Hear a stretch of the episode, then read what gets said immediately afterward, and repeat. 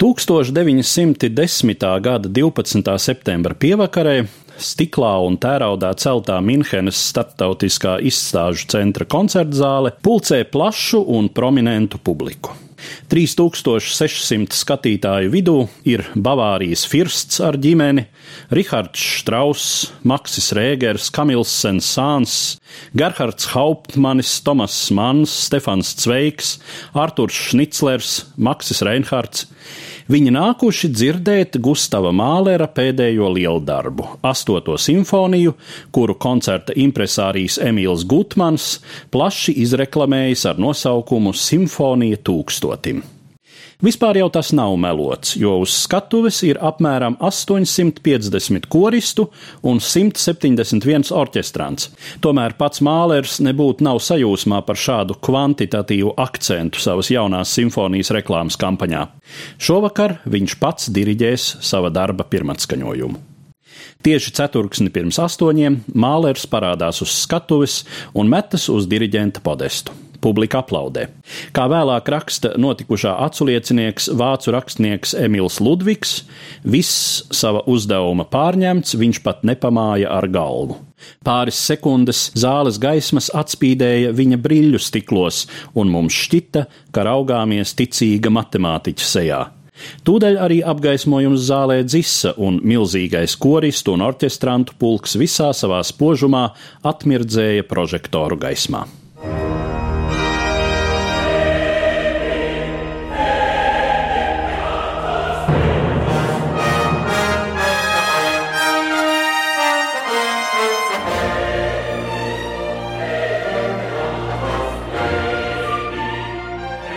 Atnāc pie mums gars radītājs, savējo prātus apciemo, koris ieskandē skaņdarba pirmās taktis.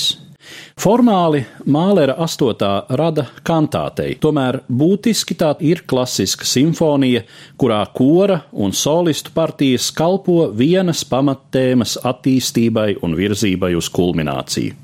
Darba pamatā ir divi teksti, kas nāk no diviem dažādiem laikmetiem. Simfonijas pirmajā daļā tā ir 8. gadsimtā dzimušā teologa Rabana Maura latīniski sacerētā himna Vēni Creator Spiritus, otrajā daļā fināla aina no Gētes Fausta.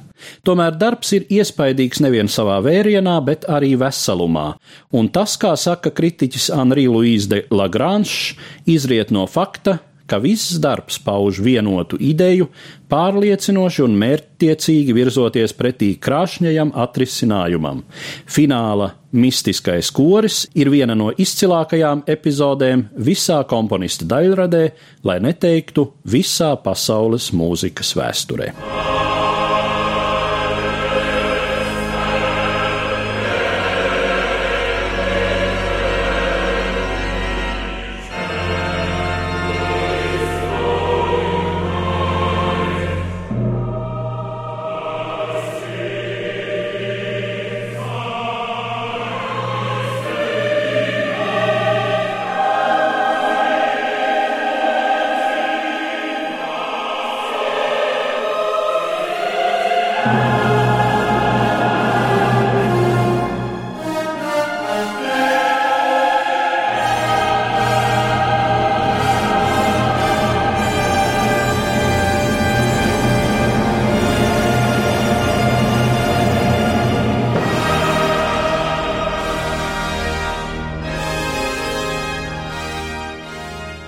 Stāstīja Eduards Liniņš.